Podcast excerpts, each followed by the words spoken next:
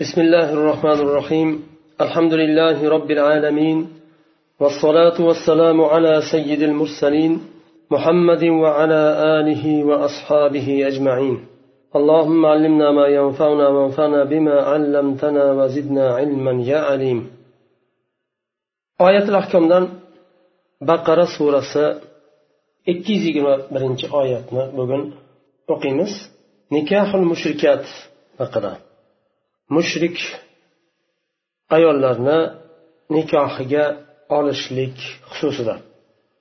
أعوذ بالله من الشيطان الرجيم ولا تنكحوا المشركات حتى يؤمن ولا أمة مؤمنة خير من مشركة ولو أعجبتكم ولا تنكحوا المشركين حتى يؤمنوا ولا عبد مؤمن خير من مشرك ولو أعجبكم أولئك يدعون إلى النار والله يدعو إلى الجنة والمغفرة بإذنه ويبين آياته للناس لعلهم يتذكرون ولا تنكحوا المشركات حتى يؤمنوا مشرك أيالرنا نكاح لرنجا ألمينا to iymon keltirmaganlaricha mo'mina cho'ri mushrikadan ko'ra afzalroqdir. Agar sizlarga shu mushrikani husni jamoli va boshqa taraflari ajablantirsa ham sizlarga yoqsa ham. Agar mushrika ba'zi bir taraflari bilan afzal bo'lsa ham husni jamoli bilan yo nasabi hasabi bilan yo moli yo obro'si bilan afzal bo'lsa ham mo'mina bo'lgan cho'ri undan ko'ra afzalroq dedi. Mushrik erkaklarga ham mo'mina ayollarni nikohlab bermanglar. Mo'min qul afzaldir mushrikdan ko'ra. Agar sizlarni mushrikni ba'zi bir afzallik taraflari afzallik derkan mushrik hech qachon mo'mindan afzal bo'lolmaydi. lekin husni jamoli moli dunyosi yo quvvati yo ba'zi bir taraflari bilan ajralib turadigan taraflari bilan sizlarni ajablantirsa ham mushrikdan ko'ra mo'min qul yaxshidir dedi alloh taolo. Ulaika yadauna ilannar ular ya'ni mushriklar jahannamga chaqiradi. Vallohu yaduu ilal jannati val bi idni. alloh taolo jannatga va o'zini izni bilan mag'firatga chaqiradi.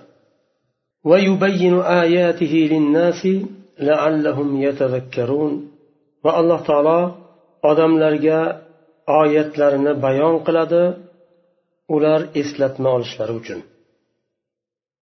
Bu oyatni sababi nuzulida ikki qavl kelgan. Birinchisi ruya أن هذه الآية نزلت في مرشد ابن أبي مرشد الغنوي الذي كان يحمل الأسرى من مكة إلى المدينة وكانت له في الجاهلية صلة بامرأة تسمى عناقة. فأتته وقالت ألا تخلو؟ فقال ويحك إن الإسلام قد حال بيننا. فقالت فهل لك أن تتزوج بي؟ قال نعم. ولكن أرجع إلى رسول الله صلى الله عليه وسلم فأستأمره فنزلت الآية. وتعقب السيوطي هذه الرواية وذكر أنها ليست سببا في نزول هذه الآية وإنما هي سبب سبب في نزول آية النور الزاني لا ينكح إلا زانية أو مشركة. برنجي رواية مرشد بن علي murshid ibn abi murshid murshidil g'anviy roziyallohu anhu u kishi makkadan madinaga asrlarni o'tkazardilar. Va johiliyatda bo'lgan islomdan avvalgi hayotlarida anaqa degan bir ayol bilan tanish edilar bu ayol keldida murshid ibn abi murshidga men bilan xoli qolasanmi? deb so'radi. Shunda murshid roziyallohu anhu aytdilar holingga voy bo'lsin islom bizni oramizni ajratdi. Ya'ni mahram bo'lmagan inson bilan xoli qolishni islom harom qildi. Shunda u ayol aytdi o'ylanmaysizmi? deb so'radi. Shunda murshid roziyallohu anhu aytdilar o'ylanaman lekin oldin rasululloh sollallohu alayhi vasallamdan so'rashim kerak. Izn olishim kerak. Shunda bu oyat nozil bo'ldi deydilar. Ammo imom suyutiy e, rahimaulloh bu sababi nuzulni sababi nuzul deb rivoyat qilingan bir rivoyatni tekshirib chuqurroq tekshirib qaraganlarida bu qissa bu oyatning sababi nuzuli emas. Nur surasidagi azzani la yankihu illa zaniyatan au mushrikatan degan oyatni sababi nuzuli ekanini aniqlaganlar ya'ni zinokor erkak faqatgina zinokor yo mushrik ayolgagina uylanadi degan oyatni sababi nuzuli ikkinchi rivoyatda ruviya عن ابن عباس رضي الله عنهم أن هذه الآية نزلت في عبد الله بن رواحة كانت له أمة سوداء وأنه غضب عليها فلطمها ثم إنه فزع فأتى النبي صلى الله عليه وسلم فأخبره خبرها فقال له النبي صلى الله عليه وسلم ما هي يا عبد الله فقال يا رسول الله هي تصوم وتصلي وتحسن الوضوء وتشهد أن لا إله إلا الله وأنك رسوله. فقال يا عبد الله هذه مؤمنة. فقال والذي بعثك بالحق لأعتقنها ولأتزوجنها ففعل. فعابه ناس من المسلمين وقالوا نكح أمة وكانوا يرغبون في نكاح المشركات رغبة في أحسابهن. فنزلت هذه الآية. عبد الله بن عباس رضي الله عنه رواية قردلر bu oyat abdulloh ibn ravoha xususida nozil bo'lgan oyatdir. U kishini abdulloh ibn ravoha roziyallohu anhuni cho'rilari bor edi. Qora cho'rilari bor edi. U kishi bir cho'rilaridan g'azablandilarda bir shapaloq urdilar va bundan bu qilgan ishlaridan qo'rqdilarda borib rasululloh sollallohu alayhi vasallamga bo'lgan voqeani aytib berdilar. Shunda rasululloh sollallohu alayhi vasallam abdulloh ibn ravohadan so'radilar u kim yo abdulloh deb so'radilar.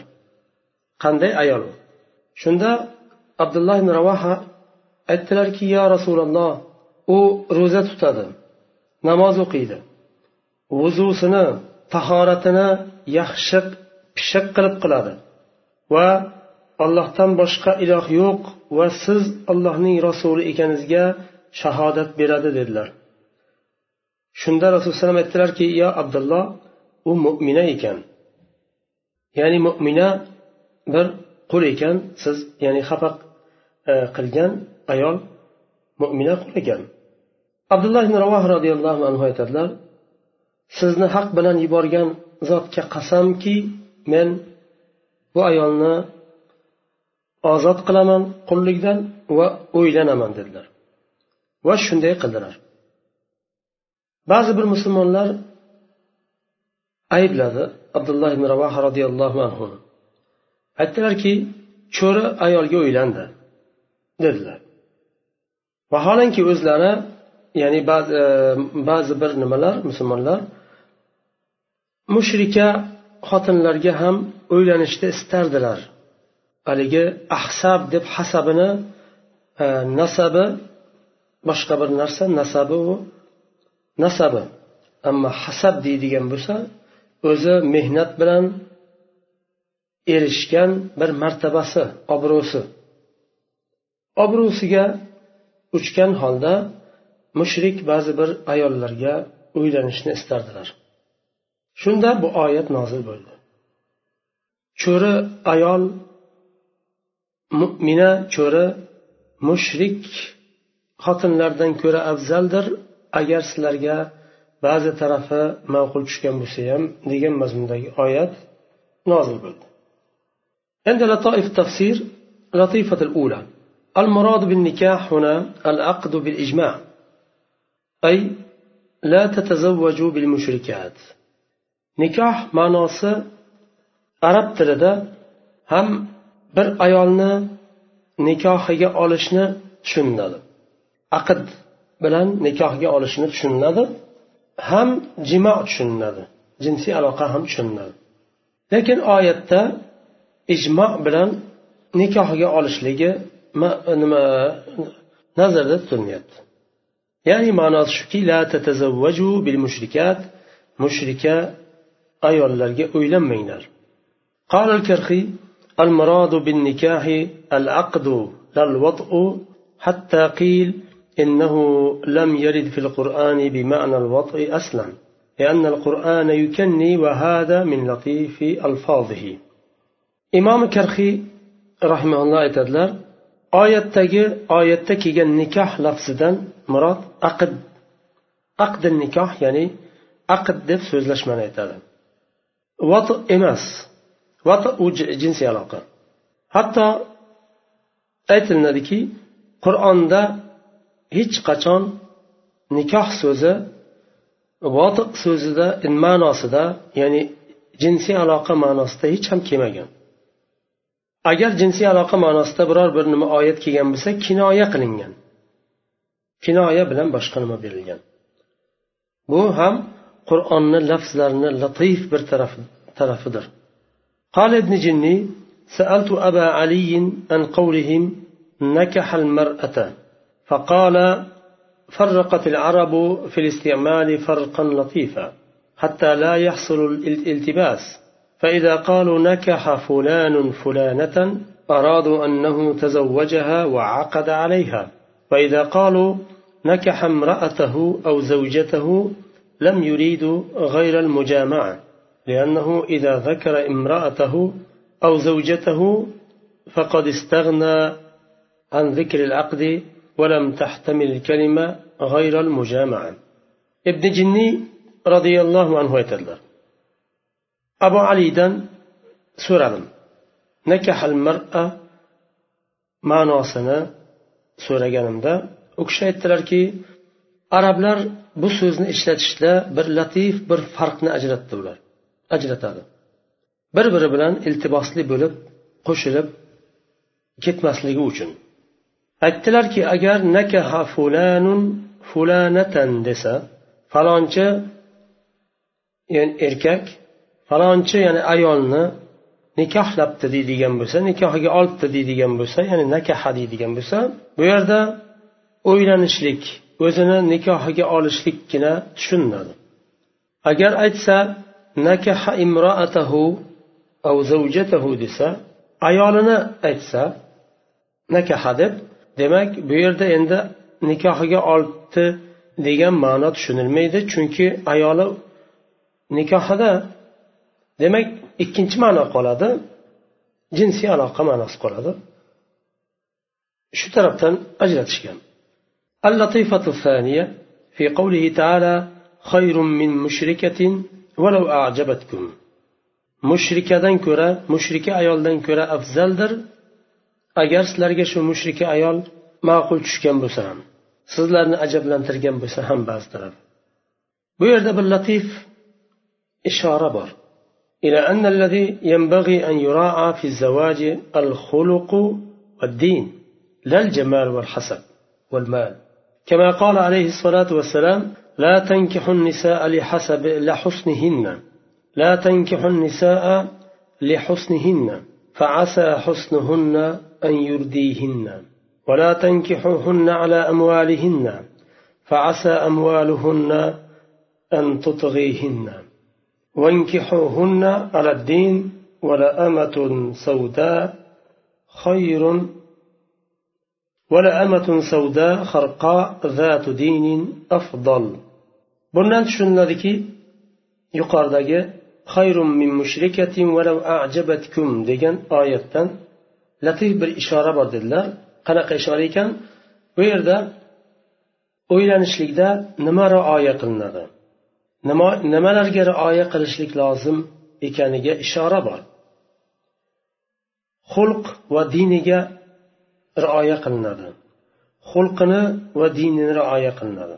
Agar jamol bo'lmasa ham moli hasabi bo'lmasa ham xulqi va dini bo'ladigan bo'lsa shu rioya qilinadi. Na jamol na hasab na mol boshqasi rivoya qilinmaydi. Xulq bilan dindan keyingi o'rinda turadi ular. Rasululloh sollallohu alayhi vasallam hadisda aytadilar ayollarni go'zalligi uchun o'ylanmanglar. Bilmaysizlar balkim uni go'zalligi halok qilsa. Go'zallik insonni yo'ldan ozdirishi mumkin. Kibrga olib borishi mumkin. Erini teng tutmasdan boshqa bir sabablar bilan o'rtasida ba'zi bir kutilmagan noxush nimalar bo'lishi mumkin. Shuning uchun husni bilmaysizlar balkim husni uni halok qilsa. Ayollarni mollari uchun o'ylanmanglar balki mollari ularni tug'yonga ketkazishi mumkin. Ularni diniga ko'ra o'ylaninglar diniga qarab turib qarab o'ylaninglar. dini diyonati bormi axloqi bormi taqvosi iymoni bo'lsa shunga qarab rioya qilib o'ylaninglar chiroyli bo'lmagan qora bir cho'ri ayol agar din egasi bo'ladigan bo'lsa dindor ayol bo'ladigan bo'lsa u afzaldir dedilar اللطيفة الثالثة من المعلوم أن المغفرة قبل دخول الجنة ولذلك قدمت في غير هذه الآية وسارعوا إلى مغفرة من ربكم وجنة. وإنما قدمت الجنة هنا لرعاية مقابلة النار لتكمل وتظهر المقابلة. أولئك يدعون إلى النار والله يدعو إلى الجنة والمغفرة بإذنه.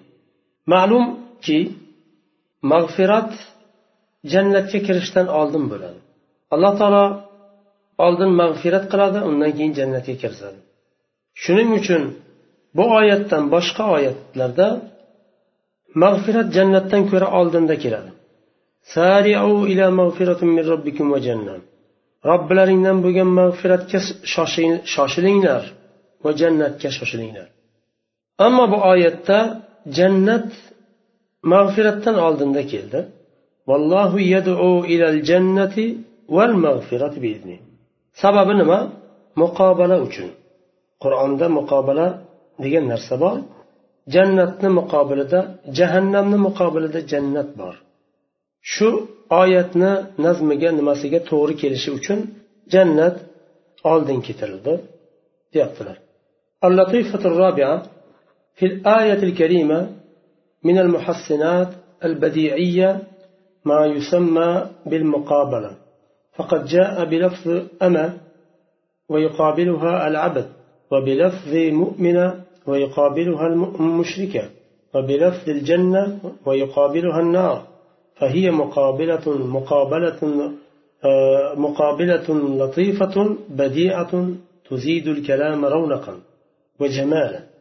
والفرق بين المقابلة والطباق أن المقابلة تكون بين معنيين أو أكثر متوافقة ثم يؤتى بما يقابل ذلك على الترتيب. أما الطباق فيكون بين لفظين مثل الأول والآخر ومثل أضحك وأبكى. آية كريمة أجايب برك نمبر جزلك بار لفظ دواء عبارة ومقابلة دب نمنا يقال لو مقابلة وبرنسان مقابل دبلشلك ama uning muqobilida al abd ama cho'ri xotin bo'lsa abd qul erkak. Mo'minani muqobilida mushrika jannatning muqobilida jahannam. Bu kalomga go'zallik va jamol orttiradigan bir latif bir holat bu. Muqobila bilan tiboqni o'rtasidagi farq. Muqobila ikkita yoyinki undan ko'proq bo'lgan ma'nolarni o'rtasidagi muvaffaqat bo'lishlik. Undan keyin shu bo'lgan muqobil muqobillik tartibiga ko'ra keladi. Qaysisi nima?